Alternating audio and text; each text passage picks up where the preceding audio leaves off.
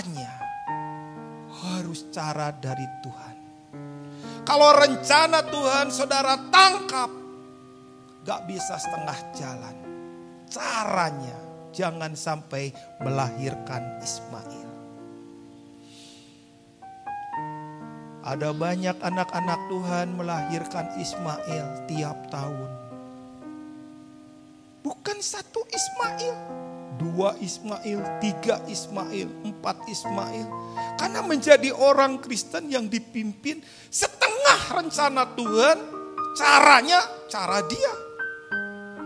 Sebagian dari Tuhan, sisanya atau sebagian besar caranya dia. Didominasi oleh kekuatannya dia. Itu masalah.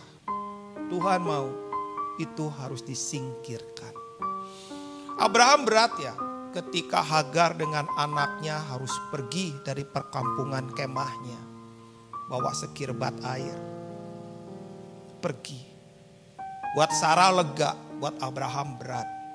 Karena itu anaknya. Tapi oke. Okay. Dan itu yang terjadi. Hari ini Tuhan juga mau Ismail Ismail dalam hidup kita juga pergi. Karena itu menghalangi munculnya Jehovah Jireh.